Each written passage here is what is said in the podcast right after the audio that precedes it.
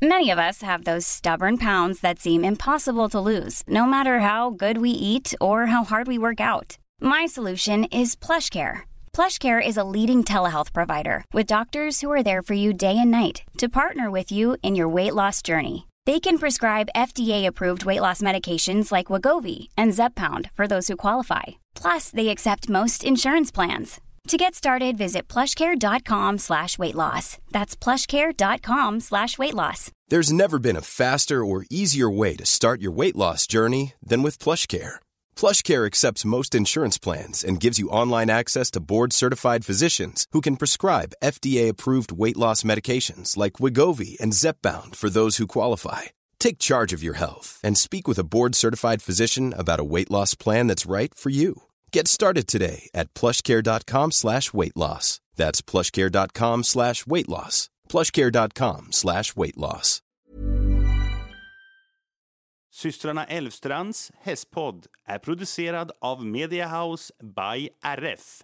Hej på er allesammans och varmt välkomna till avsnitt nummer 34 av systrarna Elfstrands hästpodd. Jag är sjukt peppad på det här avsnittet måste jag säga för idag har vi äntligen med oss en gäst igen. Ja och det ska bli så himla roligt och gästen heter Sandra Wikström och henne känner vi ju sedan en tid tillbaka Mm. och är en väldigt duktig och ambitiös och ödmjuk tjej som har Verkligen. tagit sig upp i sporten utan en massa miljoner i bakfickan. Ja, det, sånt tycker jag är väldigt inspirerande. För det är väl så att många unga ryttare har mycket ekonomiskt stöd hemifrån. Men Sandra har ju inte haft samma förutsättningar som alla andra. Så hon ska komma hit och berätta hur hon har gjort helt enkelt för att kunna ta sig till toppen. För i år till exempel så deltog hon ju i SM, i Young Rider-SM och hon har ridit SM många år tidigare också. Mm, och det är väldigt eh, inspirerande tycker jag. Även om jag kanske inte har samma mål som Sandra har, för hon vill ju ändå ta sig till OS så småningom, så är det väldigt motiverande och inspirerande att se hur hon klättrar i sporten. Liksom. Jag håller med.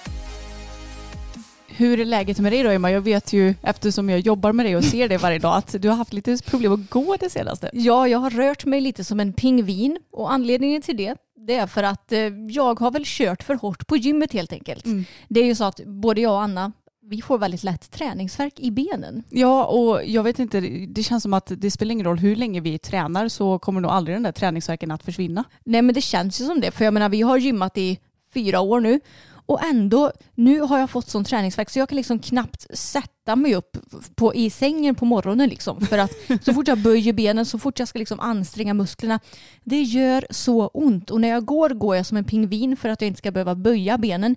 Att rida en häst idag ut i skogen det var pest och pina. Mm, jag vet, det är ju verkligen hemskt när man har så mycket träningsverk. Mm. Men det är inte så mycket att göra åt saken utan man får bara försöka att röra sig ändå. Och det är faktiskt ett tips om ni får träningsverk. Alltså ta en promenad eller något dagen efter eller två dagar efter för det lättar träningsverken. Mm, det gör ju det och det brukar inte riktigt vara så här illa för oss. Nej. Som tur är och om vi ska typ hoppträna eller tävla så brukar vi se till att kanske inte köra så ordentliga benpass innan det just för att vi vet om att eh, ifall vi köttar på då är risken stor att träningsverken blir enorm. Mm, så då får man försöka anpassa sig lite efter det. Mm. Men på tal om gymmet, alltså idag så var det en person med mig samtidigt i fria viktdelen där vi brukar träna allra mest, jag och Emma. Och mina hörlurar har sagt tack och adjö tyvärr. Så jag måste se mig om efter ett par nya, men det får bli ett senare problem.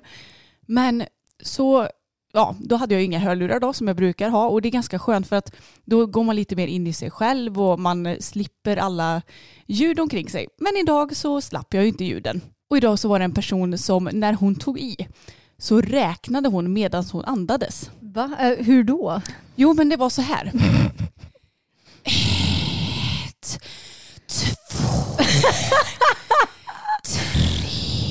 Åh gud! Jag ber om ursäkt för att jag flåsade i era öron ni som lyssnar på den här Det är ju podden. ASMR. Sant. Mm. Jag skulle kanske tagit min lilla mikrofon som jag inte hade och Ja. hålla fram hennes mun. Nej men alltså jag tror nog att det är topp ett, det mest störande jag varit med om på gymmet. Alltså jag kan säga att det var tur att inte jag hörde det. För jag har ju misofoni. Alltså jag är extremt känslig mot ljud och stör mig på typ allting. Jag kan ju absolut inte sitta och äta tillsammans med folk som smaskar och andas högt och allt vad det nu må vara. Så jag hade absolut inte kunnat träna utan hörlurar tillsammans med den här människan. Alltså nej, och grejen är att jag tror också jag har lite form av misofoni för att jag stör mig också väldigt mycket på sådana ljud. Och Alltså, jag kände bara, jag förstår att du behöver räkna och jag förstår att du behöver andas för det ska man ju göra liksom. Men kan du inte räkna i huvudet och andas som en normal person? Det måste ju vara mycket jobbigare att räkna och andas samtidigt. Ja, eller hur? Då måste man ju koncentrera sig på att säga ett ord också. Liksom. Mm. Nej, fy tusan, det var inte lätt. Alltså jag fick ju snabbt göra klart den övningen jag gjorde och gå därifrån alltså. Ja, jag så, förstår det. Så jag, fick, jag avslutade min pass lite tidigare idag bara för det. Mm. Och det är ju så lustigt för sådana här grejer är ju egentligen de tillfällena jag borde ta i akt för att liksom träna lite på mitt eh, bristande tålamod. Jo. Men åh, när folk gör ljud ifrån sig då går det typ inte alltså. Nej, jag håller med. Det, det går inte för mig heller. Men jag har ju ändå varit lite inom stationstecken duktig i veckan tycker jag. Mm. För jag har varit och tagit cellprov. Det var tredje gången jag gjorde det nu. Och problemet är att första gången som jag tog cellprov så var det en så himla traumatisk upplevelse för mig. För jag fick en jättedålig sköterska eller barnmorska eller vilka det nu är som tar cellprov på en. För hon var jättehårdhänt. Det gjorde svinont.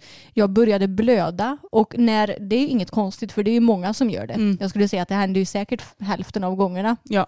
Men på henne verkade det ju som att det var jättekonstigt att jag började blöda. Så hon nästan shameade mig. Bara, Oj, är du säker på att du inte har mens? Sa hon. Man bara, ja, jag är säker på det. Du har ju fan grävt sönder min stackars livmodertapp. Mm. Inte konstigt att den börjar blöda. Nej, fy fan. Det var en riktigt jobbig upplevelse. Jag hade jätteont hela dagen efteråt. Så andra gången som jag skulle ta cellprov för tre år sedan då, då kommer jag dit och då är det ju en annan lite äldre tant som ska ta cellprov på mig. Jag kommer in och det första jag gör är att jag börjar gråta. jag tycker det här ska bli så himla jobbigt. Och hon bara, ja men det är ingen fara, vi tar det lugnt och försiktigt. Och hon var jättebra. Alltså man älskar ju sådana som henne. Mm. Kan inte alla vara sådana? Ja, så då fick jag en bra andra upplevelse och det var inte så farligt då när hon var lite mer försiktig och eh, ja, vad ska man säga, hänsynsfull. Mm. Men trots det så var jag ju lite nervös nu när jag skulle ta det igen såklart. Ja. Det har ju varit en traumatisk upplevelse och en ja, bra upplevelse. Så jag är fortfarande lite nervös. Men det gick faktiskt bra. Jag fick en bra sköterska slash barnmorska idag igen. Gud vad skönt. Mm. Men eh, vad gör, alltså för de som inte vet vad ett cellprov är så är det ju att eh, man tar ett litet test på livmodertappen för att se så att den är frisk. Och det är ju jätte, jätte, jätte, jätteviktigt att man går på sådana här kontroller. Mm. Även om det kanske inte är så jättebekvämt. Nej, för ifall man går på kontrollerna så kan man ju förhindra att ja, men få cancer och sådär i framtiden. Och att man upptäcker sånt i tid. Precis, men eh, vad, eh, du, du sa ju något kul när vi var i stallet också Eva. Ja, det var innan jag skulle iväg tror jag. Ja. Eh, Jag och Anna vi är ju lite roliga för ibland så när vi är i stallet så låtsas ju vi att vi pratar med hästarna och så låtsas vi att hästarna svarar. Om ni hur tuntigt som helst. Ja, så då sa jag till Tag och Boppen att ja, idag så ska Matte åka och ta cellprov och då ska hon få en borste uppkörd i Fiffi. Det är inte så trevligt ska ni veta. Och då så svarade Tage, eller jag, ja men jag har faktiskt fått en hel arm i min rumpa och det var inte heller så trevligt. Nej. För eh, som ni kanske vet så, vi har väl pratat om det här i podden va? Mm. När eh, Tage skulle behandla sina SI-leder så var de tvungna att gå in med ultraljud via liksom, rumpan på honom för att Mm. se vart de skulle sticka någonstans. Och det är ändå ganska lustigt hur hästarna bara kan acceptera att någon alltså, kör in en hel, Hel arm. arm. Hur lång kan en arm vara? Ja, 70 Ja. centimeter? något sånt där. Ja. En hel arm i röven. Både Tage och Bella har gjort det. ja. Och jag känner att ah, okej, jag kanske inte riktigt ska klaga på att jag får in en liten borste i min fiffi jämfört med att få in en hel arm i röven som häst. Nej, Jag tycker faktiskt det. Jag tycker du klagar lite väl mycket ja, Emma. men tänk vad hästarna är snälla. De skulle lika gärna bara kunnat liksom sparka och bara nej, kör inte in den här i röven. Men de, de är snälla. Ja, våra underbara djur. Mm. Men på tal om underbara djur. Alltså herregud vad Fokus var duktig när vi var iväg på vår senaste tävling. Ja, du är väldigt, väldigt glad nu han har fått många guldstjärnor. Ja, alltså han har ju fått så många guldstjärnor så att eh, han kan nog inte få fler tror jag. Och eh, det roliga är att den här vloggen finns ju ute på YouTube så för er som är nyfikna kan ni titta på den. Men alltså han var så himla lugn och duktig även fast han var lite uppstressad i stallet hemma innan. Så då blev jag lite så här okej okay, nu får vi se hur han är liksom på plats för man vet ju aldrig. Det är ju hästar vi har att göra med och jag visste att Alltså Götene har ju ändå lite speciella grejer. De har ju till exempel en busskur och en domarkur utanför paddocken som de har till dressyrtävlingar. Och Ja men det, det, är klart att det blir lite speciellt och sådär. Men inga konstigheter så vi satte en felfri runda i 85 centimeter. Mm. Och jag grät efteråt för jag var så glad. Alltså det var så kul för då, kanske de flesta som hoppar 80 centimeter och är felfria, då kanske det blir en liten klapp på liksom hästens hals när de är klara. Men när Anna, när du var klar, du överöste verkligen fokus med beröm. Bra! Gud vad duktig du är! Och liksom så här krama om honom och klappa honom jättemycket. Som han ju förtjänade med tanke på hans bakgrund. Men grejen att när vi är på tävling, visst det är en del som vet vilka vi är och som har kanske koll på fokus historia. Men långt ifrån alla har ju det. så det, när Anna var klar, det blev nästan lite så här fnissig stämning märkte jag som stod utanför banan och filmade. Och bara, Oj vad glad hon blev och så fnissade folk till lite ja och eh, alltså jag känner lite så här att jag skiter blanka fan i vad folk tror om mig. De kanske tycker att jag är helt eh, galen som liksom blir superglad över min häst som hoppar en felfri 85-runda som är det näst lägsta man kan hoppa liksom. Men i don't give a fuck ärligt talat för att eh, jag tycker att han Alltså han förtjänar all beröm i världen för han var så himla duktig. Och det märks att han tyckte det var roligt och Alltså det var ingen stress överhuvudtaget. Och han tittade inte på busskuren eller något när vi hoppade ens. Nej. Och han är ju normaltvis en ganska tittig häst liksom. Mm. Så att eh, han förtjänar allt beröm i världen. Och jag tycker faktiskt att det gör alla hästar. Så att jag tycker man ska skita i vad folk tycker och tänker om en. För att blir du glad över din hästrunda oavsett om det är liksom 80 cm eller 1,60 ja, klappa den hur du vill. Liksom. Mm, jag håller med. Men nu har vi också lite fått bekräftat att Fokus kanske är en häst som kanske glänser lite mer på tävlingsbanan än på träningsbanan så att säga. Ja men alltså det verkar ju uppenbarligen så. För att det var roligt, redan inne på framridningen så var han lite så här, eh, inte bockade men du vet han krummade lite på ryggen när jag eh, fattade galopp och man märkte att han ville liksom visa upp sig. Och jag kände ju det inne på banan också att när jag styrde mot första hindret, alltså han bara sög mot det. Mm. Och sån är han ju inte på träning. Nej. Där jag har ridit några varv så bara nej det här är tråkigt, jag vill inte. Mm. Så att eh, ja, vi har två tävlingshästar i stallet Emma. Ja, de är ju så lika varandra på så vis. Ja. De, de, är inte alls speciellt motiverade på träning för då tycker de det är tråkigt när det blir liksom samma mönster och samma sak som de ska göra. Men på tävling när de inte riktigt vet vad som komma skall,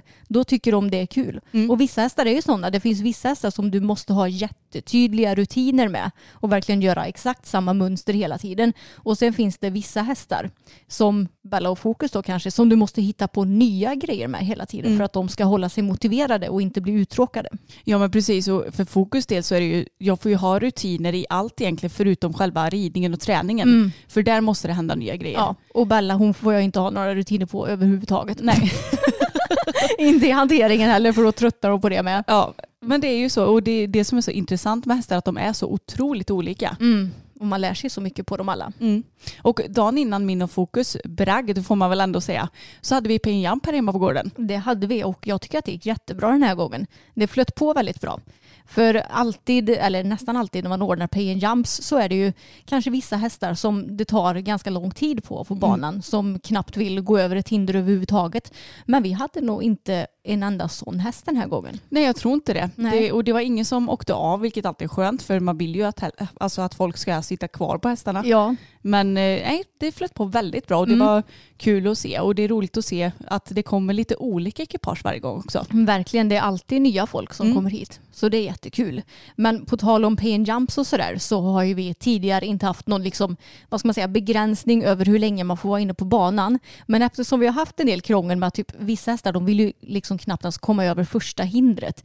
De kan ju vara kvar på banan i en timme om de ska ta sig igenom hela banan i mm. så fall. Liksom. Så nu har vi liksom satt en maxgräns på fem minuter inne på banan. Mm. Att det är den tiden du har på dig. Och Det funkar faktiskt väldigt bra tycker jag. Ja men det tycker jag med. Nu har vi väl egentligen inte fått se till någon att den behöver gå ut va? Nej det var inte på den här painjumpen Nej. men på den innan det fick vi göra det med ett ekipage. Just det, just det. Men eh, det känns skönt att ha det och jag vet att många ridklubbar och så har det också. Och det tycker jag är vettigt för då behöver du inte ha att folk blir, vad ska man säga, uteslutna. Men att du ändå har liksom en specifik tid på dig så att det blir respektfullt för de andra. Ja, och då blir det ju lite enklare att planera. Även om det är mycket svårare att planera på en just PN Jump. För att det tar ju kanske lite längre tid eftersom man kanske har lite mer stoppiga hästar och så. Men då har man koll på att det tar i alla fall max fem minuter per ekipage. Mm, precis. Så det är ett litet tips till er som kanske också ska ordna pay jumps i framtiden. Att ha max fem minuter per ekipage inne på banan för då slipper du det här problemet med att vissa kanske är inne på banan hur länge som helst. Men då har vi fått hit dagens gäst och det är Sandra Wikström. Välkommen hit! Tack. Okej Sandra, jag och Emma vi är ju väl bekanta med dig sedan tidigare. Men vi vill gärna ha en liten presentation av dig för de som inte vet vem du är. Mitt namn är då Sandra Wikström och jag är 19 år och jag bor i Hangellösa utanför Skara. Och eh, jag tävlar, eh, ja jag ska debutera intermediär nu, så jag tävlar i St. George. Antal hästar, ja det är ju några stycken. Jag har fem och en halv egna och så 12 på gården då. Och sen eh, Colin är ju min topphäst. Jag jobbar heltid i stallet. Jäklar, en riktig hästtjej hörni. Ja, verkligen. Och du är väl mest inriktad på dressyr kan man säga. Ja, Ja. det är jag. Men tävlar du någonting i hoppning och fälttävlan och sådär längre? Ja, det är jag också. Mm. Mest i hoppning, men det är mer för att det ska vara kul liksom. Och, Ja. Men du har ju kompetens i alla grenar för jag vet att du har ju tävlat fälttävlan också vilket ju inte vi fegisar har gjort någon gång. Nej. ja, men det är väldigt roligt. Ja, Det är verkligen, det borde ni prova. ja vi, får, vi får prova det någon gång. Men vi kanske kan berätta lite också hur vi har lärt känna varandra. För Mm. vi har ju ändå varit bekanta med varandra ett tag. Ja, hur länge är det nu ens? Oj, Jag vet ja. inte. Det var ju genom bloggen i alla fall. Ja, Jag var ju inte så gammal. Nej, du var inte gammal. Eh, för ja, om vi ska dra det lite kort så lärde vi känna varandra på sociala medier egentligen. Mm. Du bloggade och vi bloggade och sen så ja, läste vi väl varandras bloggar och Ja. insåg att vi bodde liksom nära varandra. Ja. Och sen, jag minns inte ens när vi träffades första gången. Nej, inte jag heller. Nej.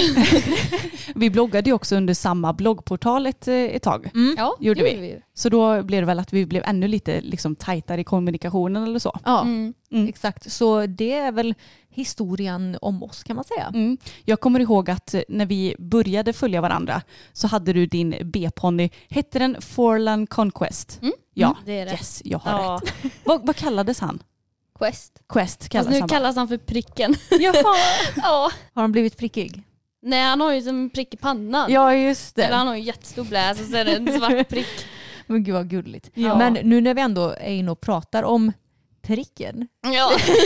Kan inte du berätta ja, men hur din karriär började, när du började rida och sådär? ja, alltså jag har ju ridit hela mitt liv. Mm. Och sen, ja det var ju med Quest som det verkligen gick upp för. Mm.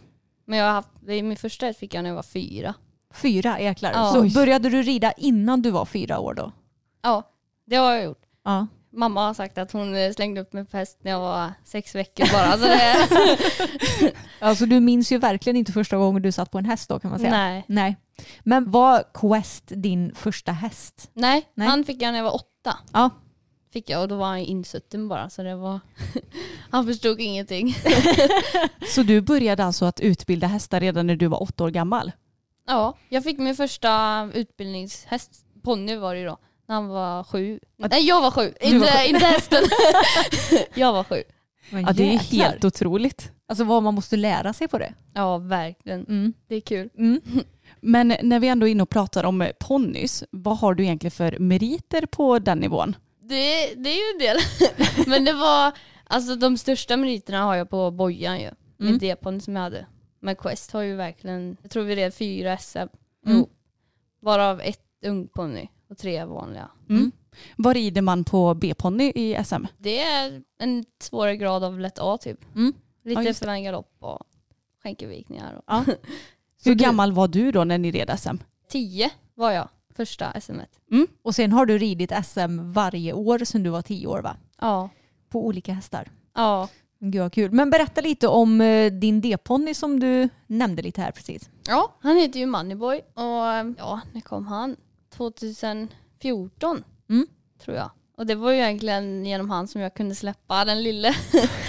Vi har ju gjort det mesta. Massa SM, NM, EM, kvalat Falsterbo. Ja, Stockholm Mm. har vi tävlat i. Men hur var det att rida EM då på ponny? Ja, det var stort. Ja, jag Det var, det var ju mitt stora mål liksom och så när jag kom dit så jag glömde typ av att rida. Jag satt där och bara åh jag har kommit till EM och så satt jag där och ja, inte jättebra kanske men Men det är väl underbart för att man pratar ju ofta om att man glömmer av att njuta. ja då- det gjorde jag verkligen. Det målet klarade du av. Ja, verkligen. Gud vad härligt. Men ni hör ju att Sandra hon har ju haft en vad ska man säga, ordentlig ponnykarriär från att du var liten. Mm. Men hur funkade det att gå i skolan och så samtidigt som du hade flera hästar att rida och träna? Ja, det var ju skolan, det är inte riktigt min grej. så den tog jag ju inte som första prioritet. Men det är ju inget jag rekommenderar, men det gjorde jag. Alltså jag ja, hästarna var liksom, det har alltid varit mitt liv. Mm. Men har du gått gymnasiet också eller har du gått ut grundskolan? Bara grundskolan. Ja. Eller jag gick tre dagar på gymnasiet. gymnasiet. Ja. Och sen kände du att nej det här är inget för mig. ja, det var, det var hemskt. Ja. Tror, ja, gemensamt med mamma då så bestämde vi att jag skulle satsa helt. Mm. ja. Men eh, alla är ju inte läshuvud tänkte jag säga. Nej. Så man får ju göra det som känns bäst för sig själv. Ja, Ja. och eh, ska man vara sån så går det ju faktiskt alltid att läsa. Men eh, vissa saker måste man ju bara ta en chansning för också. Mm. Ja, verkligen. Och det är ju, händer något så kan jag ju läsa upp det igen sen. Ja. Om jag skulle bli skadad eller så. så. Mm. Exakt. Exakt. Ja. Men nu kommer jag på en grej också. Vi pratade ju förutom att vi lärde känna varandra på sociala medier. Men Mm. hur gammal var du när du började blogga? Oj. Du måste ha varit jätteung eller? Ja. Men jag minns inte hur Nej. gammal jag var. Nu fick jag höra av eh, mamma Marie här att du var nio år gammal när du började blogga. Ja. Ja. Det är inte gammalt alltså. Nej. Nej, då är man liten. Gick det bra med stavning och sånt då? Eller fick eh, mamma hjälpa dig? Ja, mamma hjälpte mig. Ja. Jag, jag är inte så bra på att skriva så, men ju äldre man blir ju mer får man ju liksom göra själv. Ja, Mm. så är det ju. Men är du något aktiv på bloggandet och så idag? Alltså inte jättebra faktiskt.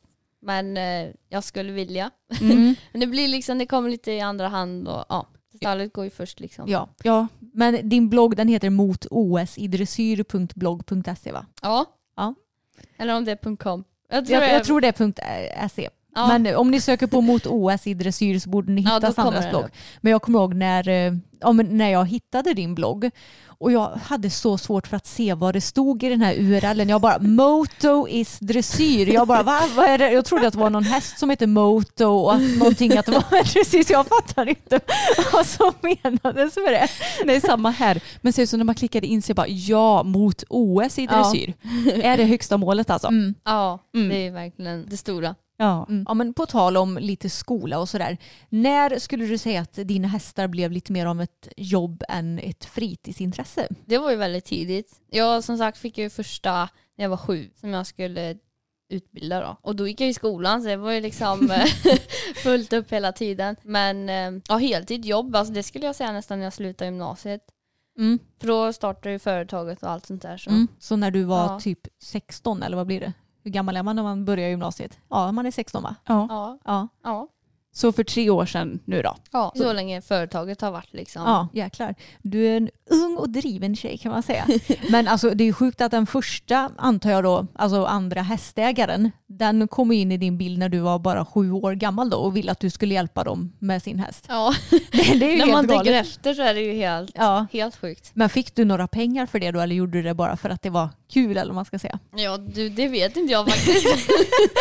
Om jag fick pengar Sandra, Sandra sju år bara, jag gör det bara om jag får lite pengar. Får nästan fråga mamma. Eh, Marie.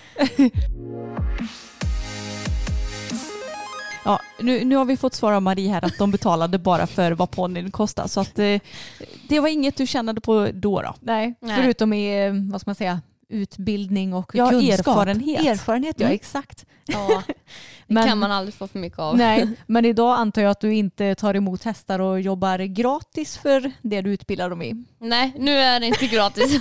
Annars går det inte att driva företag. Precis.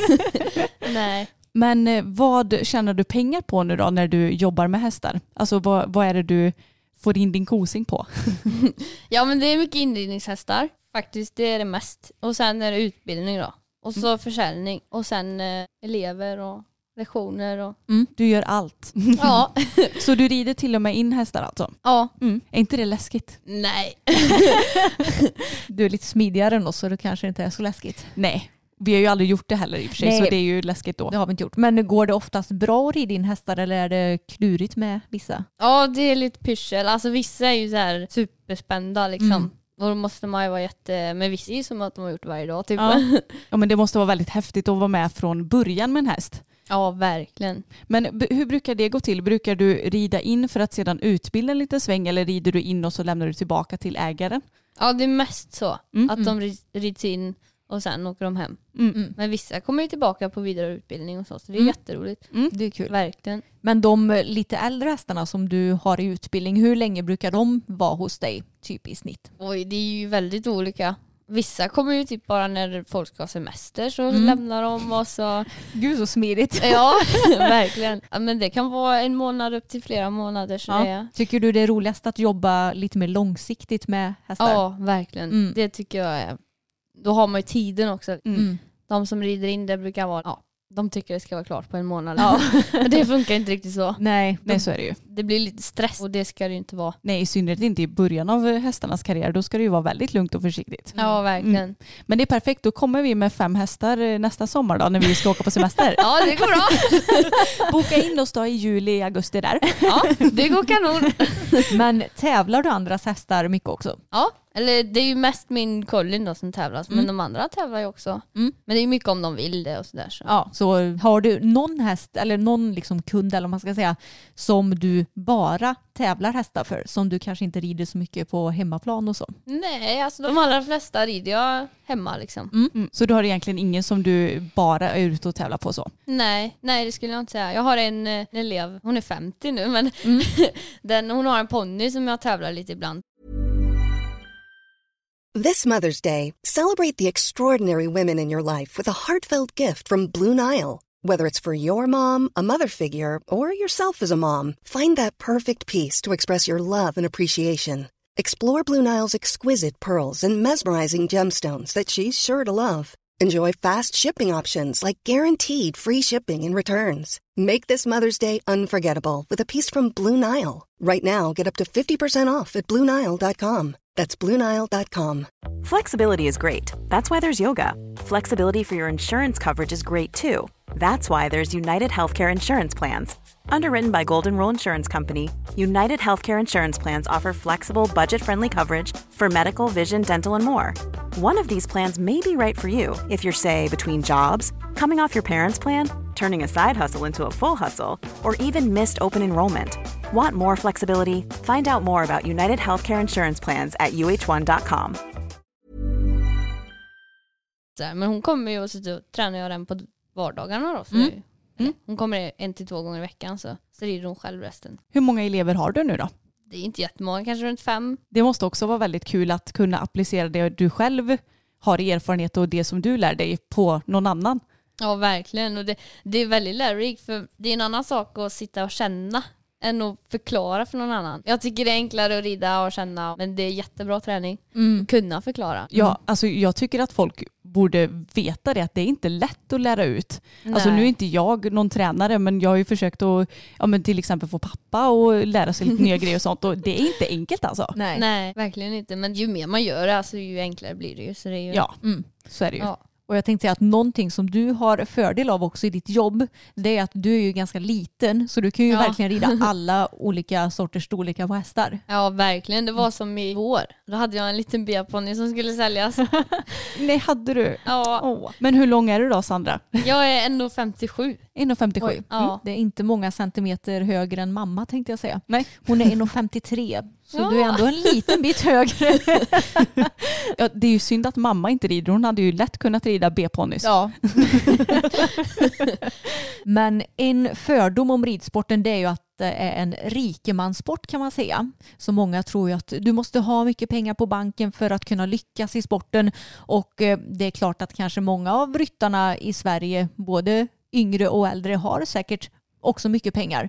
Men Sandra, du kommer ju från en familj som kanske inte har haft eh, miljoner kronor på banken redan från början. Ja, jo men så är det ju. Mamma jobbar ju halvtid och sjukpensionär förresten. Och då i början var ju min pappa med i bilden också. Han jobbar ju inte alls, så han var sjukpensionär på heltid. Så det var... Mm, så ni har haft, vad ska man säga, en begränsad ekonomi ändå med tanke på att ni har hållit på med hästar och hästar kostar ju en del som Ja, ju ni som så. lyssnar vet.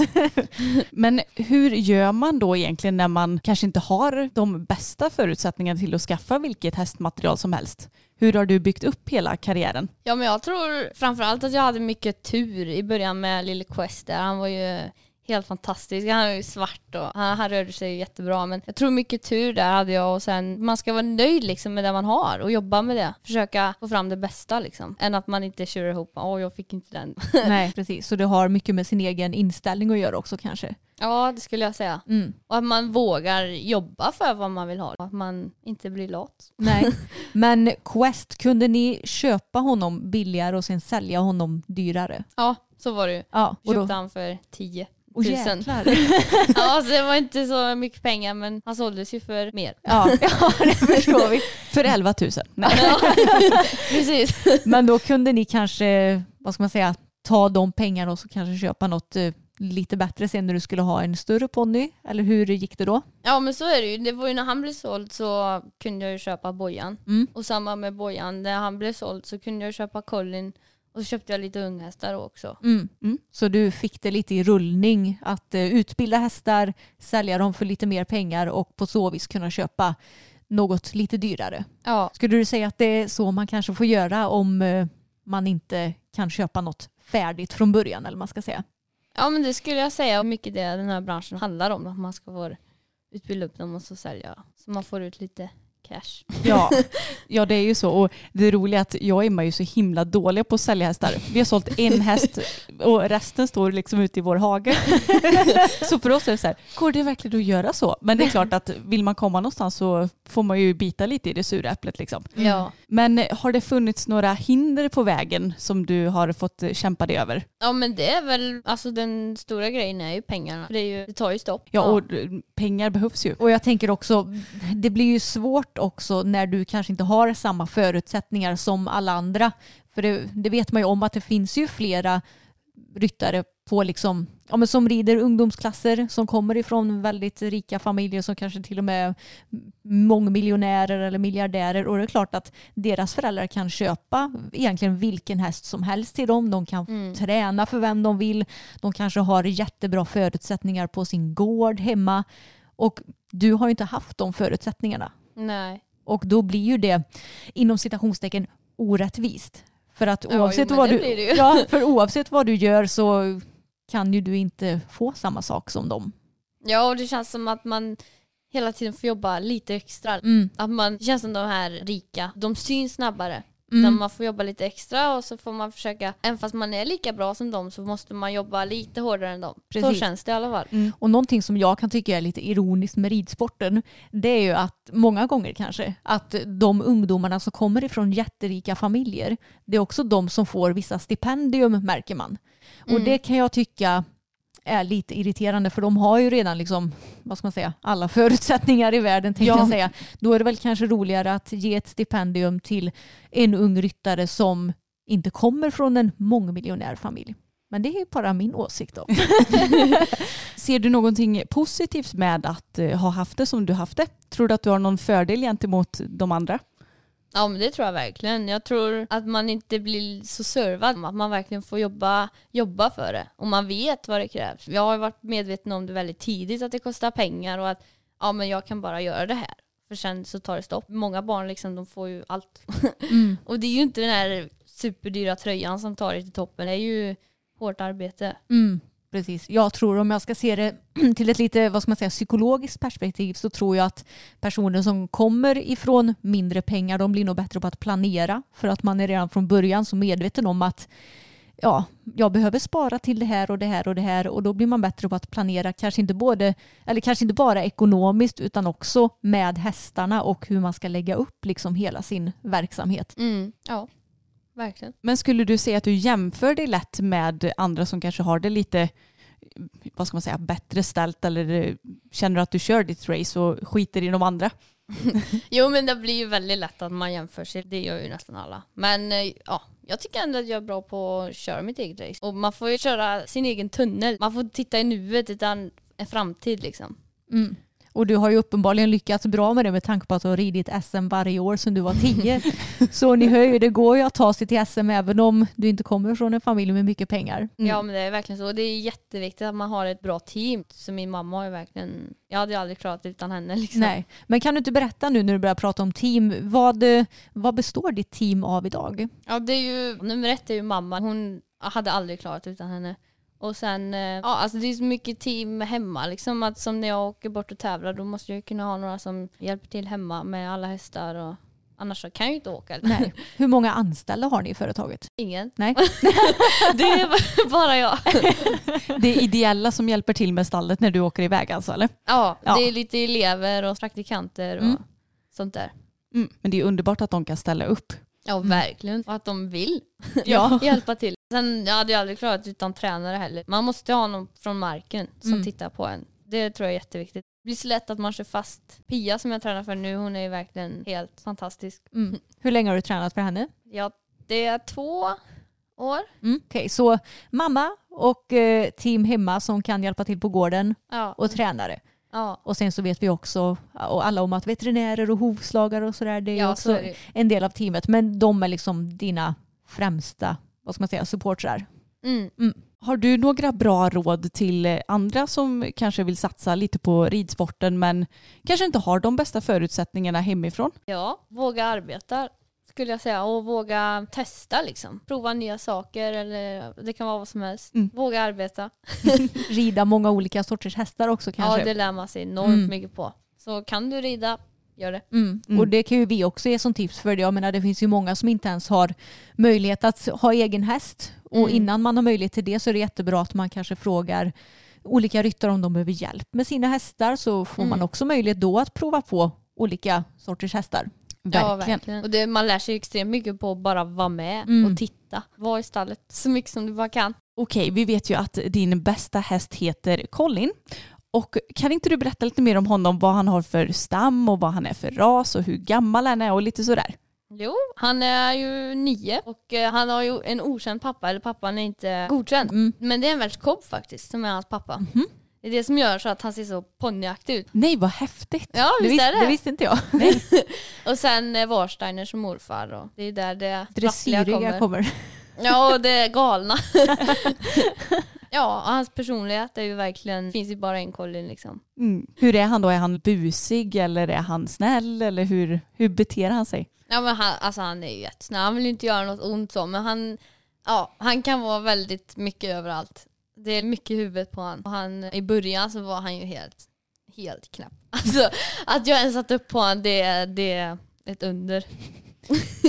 det är verkligen det, alltså han kom ur transporten där och han, ja huvudet rätt upp och han tittade överallt och så skulle jag longera han innan jag hoppade upp. Och det var liksom, han var verkligen överallt. Men eh, jag hoppade upp och det var ju tur det, annars hade han ju inte stått i stallet idag. Nej. Nej. Men hur länge har du haft honom nu då? Sen 2016, sommaren där kom han. Så Mm. det är inte så länge. Fyra år. Mm. Mm. Så du har haft honom sedan han var fem då alltså? Mm. Mm. Och då kunde han, ja han var ju helt knäpp. Som jag har sagt och han eh, kunde ju skritt, trav, rakt fram. Det var det. Och han var på gången, han kunde inte stå still. Och så skulle jag skulle sätta på benskydd så det gick inte i bak. Han bara sparkade mot det och sen när jag skulle tränsa så bara backade han hela stallgången.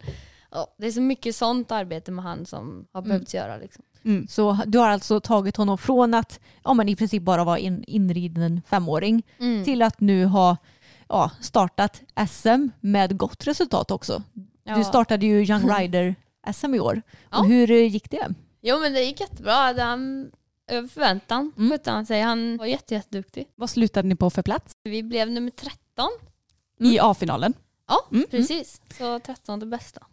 Ja men Det alltså, det är så roligt. Jag och Emma vi satt ju här hemma och hejade på er när vi kunde kolla på Ekisport och det såg jätte, jättefint ut. Så Mm. vi, vi är stolta och glada över er. Ja. Tack. Men nu är vi nyfikna på lite hur vad ska man säga, den här utbildningsresan har sett ut då. Från att han var fem nu tills att han har stått. Och vad går SM för klass i för övrigt? Eller hur svårt är SM för Young Riders för de som inte vet? Ja det är Sankt George Ja. nivå är det. Och vad innebär det för rörelser? Det är ju öppnar och sluter i trav och sen är det skrittpiruetter och sen är det sluter i galopp, byten, serier, halvpiruetter. Och serier Ja. upp till Treor. treor. Mm. Alltså byte i vart tredje språng då. Mm. Precis, och då har det alltså tagit honom dit på fyra år.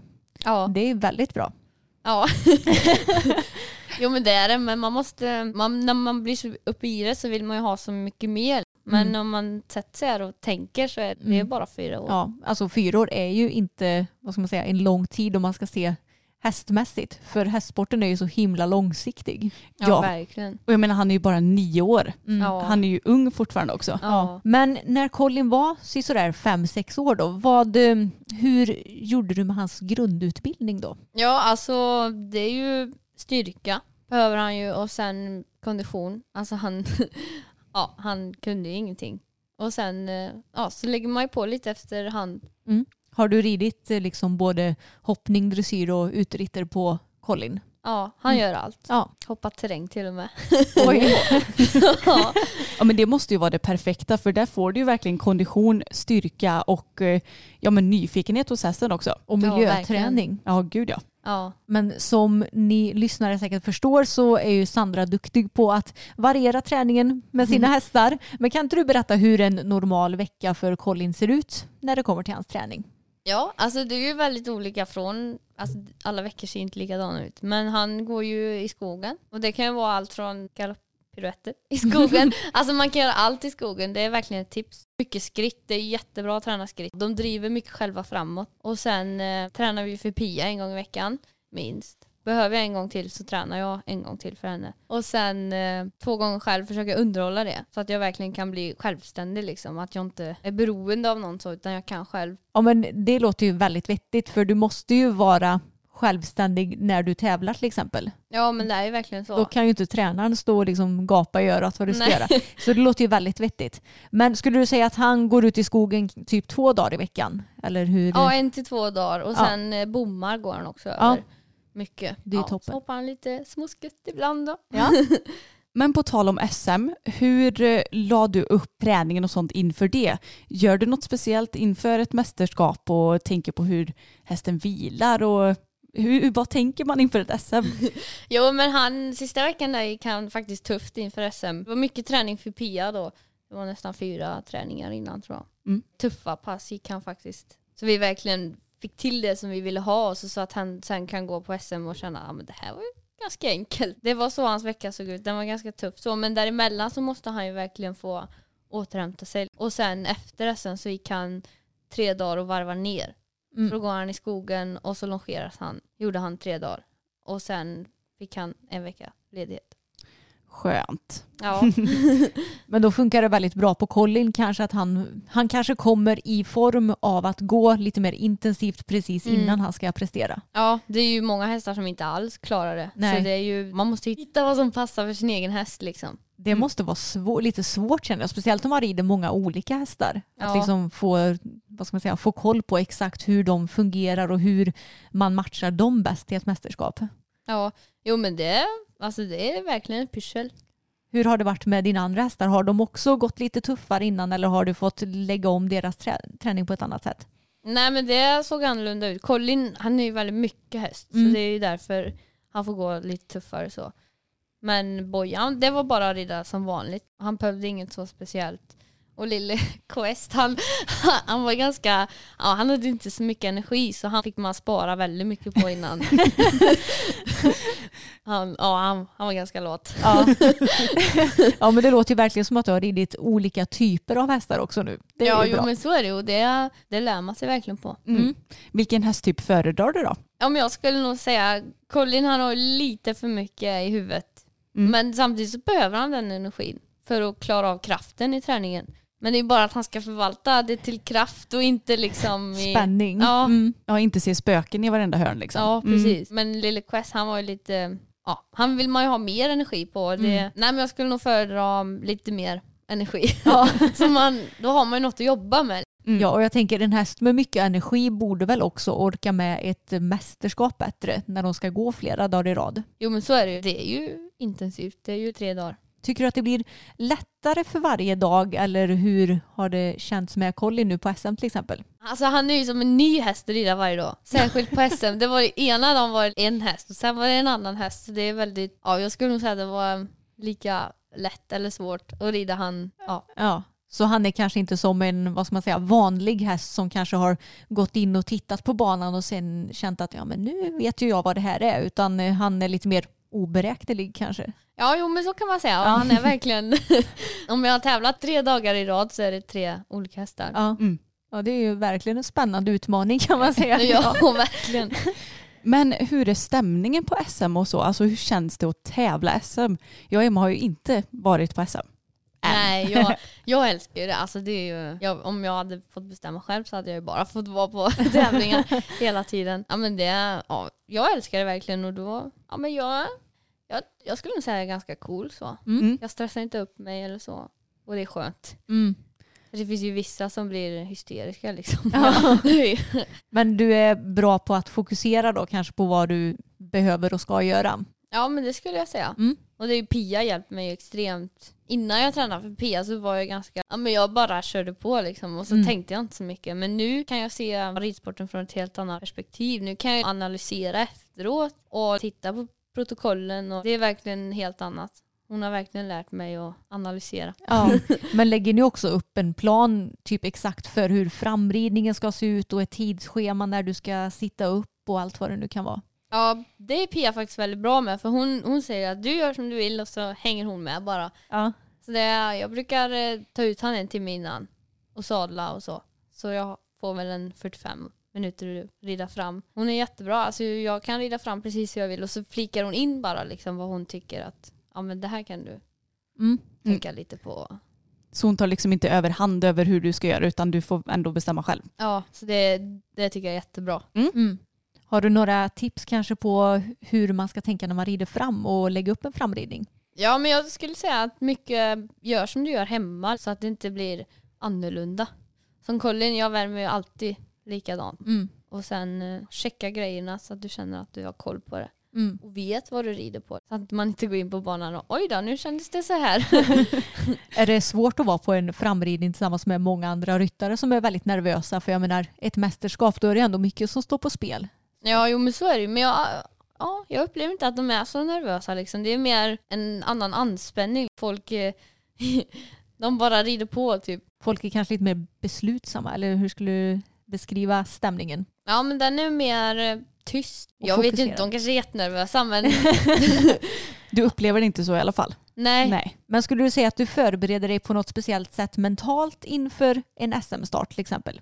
Alltså jag har inget sådär sätt som jag gör liksom, men jag tror jag, ja, omedvetet så gör man nog det. Jag blir ju mer sammanbiten och mer, ja, att det är på allvar. Har du någon rutin som du alltid gör kanske som eh, sitter i ryggmärgen och som du vet att nu förbereder jag mig för tävlingsstart här? Alltså jag har egentligen inget sånt, eh, det vad jag kan komma på i alla fall. Nej. Ja, kör mitt race.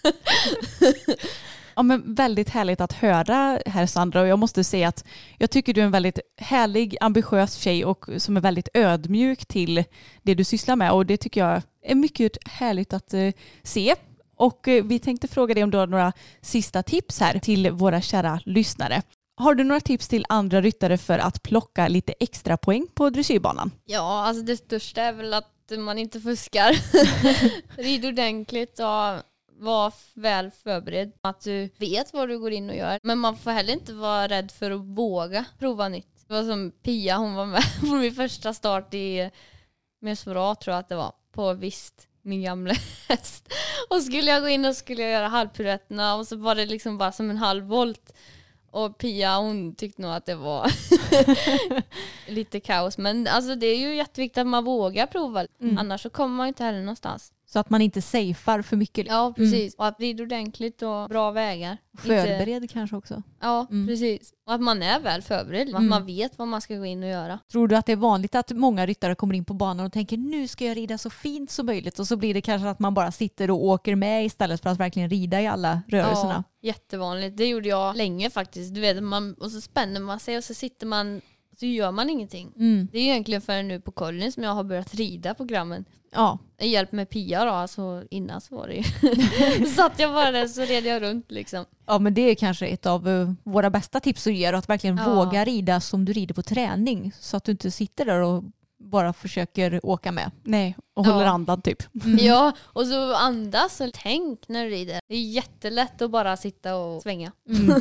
Brukar du typ träna lite extra på det som det kommer vara koefficient och så på? Nej, inte så specifikt utan jag rider allt, eller tränar allt. Mycket programdelar och mycket rider genom hela programmen och man försöker få så höga poäng som på allt. Mm. Sen så är ju koefficient jätte- jätteviktigt liksom också men ja, försöka få det stadigt genom hela. Ja. Mm. Och jag kan ge tips och det är att ifall något har gått dåligt, lägg det bakom dig med Ja. en gång och fokusera på nästa sak. För jag vet själv vissa starter och så har man fått någon stor miss och så sitter man bara och tänker på det. Nej, varför gjorde jag det där? Och sen så går resten av programmet dåligt för att man är så Mm. ofokuserad. Så släpp det och sen bara fokusera på att rida bra i de kommande rörelserna istället. Ja verkligen, det är jättelätt att fastna i det liksom. Och så går man in i nästa övning och så, ja det hänger ju med. Hästen känner ju hur man beter sig. Har du några bra tips på hur man får en hållbar häst? Vad brukar du göra för dina pollar i stallet?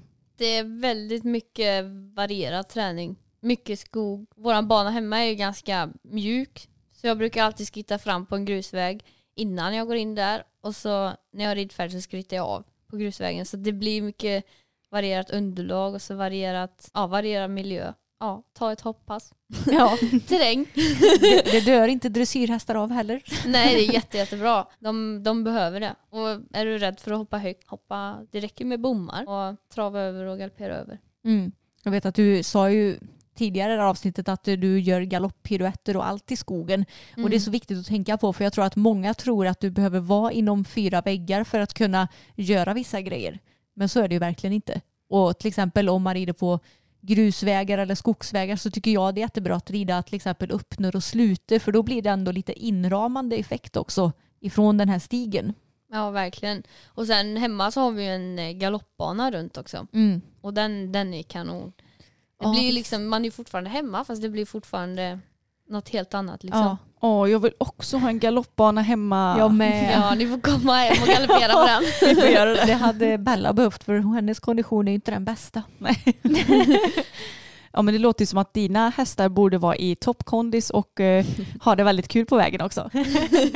ja men då har vi väl egentligen ställt alla frågor som vi har klurat över Sandra. Tack så jättemycket för att du kom. Ja, det var jättekul att få vara med. Och eh, vi kommer som vanligt att lägga länkar till Sandras, eh, ja men dels din hemsida där man kan ta kontakt med, ja men om man vill ha någon häst såld eller om man vill eh, ha en häst tillriden eller så. Mm. Och din Instagram vill du kanske också ha länkad. Ja, Ja. um, företaget har ju på Facebook och Instagram också. Just det. Det ju... Ja, men vart ni hittar Sandra och allting det hittar ni helt enkelt i beskrivningen om ni är nyfikna. Ja, Ja, jag tyckte det verkligen var så roligt att Sandra ville gästa den här podden för alltså jag tycker att hon är väldigt inspirerande med att vara, hon är ju inte mer än 19 år gammal men ändå har hunnit med så himla mycket. Och tänk att vara sju år när du börjar utbilda din första häst. Mm, det är helt galet. Jag menar, jag hade inte ens börjat rida förrän jag var nio. det är helt otroligt. Vilka olika liv man lever egentligen. Ja, det gör vi verkligen trots att vi bor nära varandra. Mm. Så tack återigen till Sandra och tack till Marie också får vi ju säga som är Sandras mamma som är också jättegullig och eh, kunde flika in lite svar när vi inte hade något svar. Exakt. Och hörni, glöm inte bort att alla länkar och sådär som vi har pratat om i det här avsnittet finns i beskrivningen till podden. Och som vanligt så får ni också jättegärna prenumerera på podden ifall ni gillar det vi gör. Och vi finns ju i alla poddappar så att man lätt kan hitta oss. Mm, det gör vi. Ha det jättebra nu hörni så hörs vi igen om en vecka. Det gör vi. Hej då!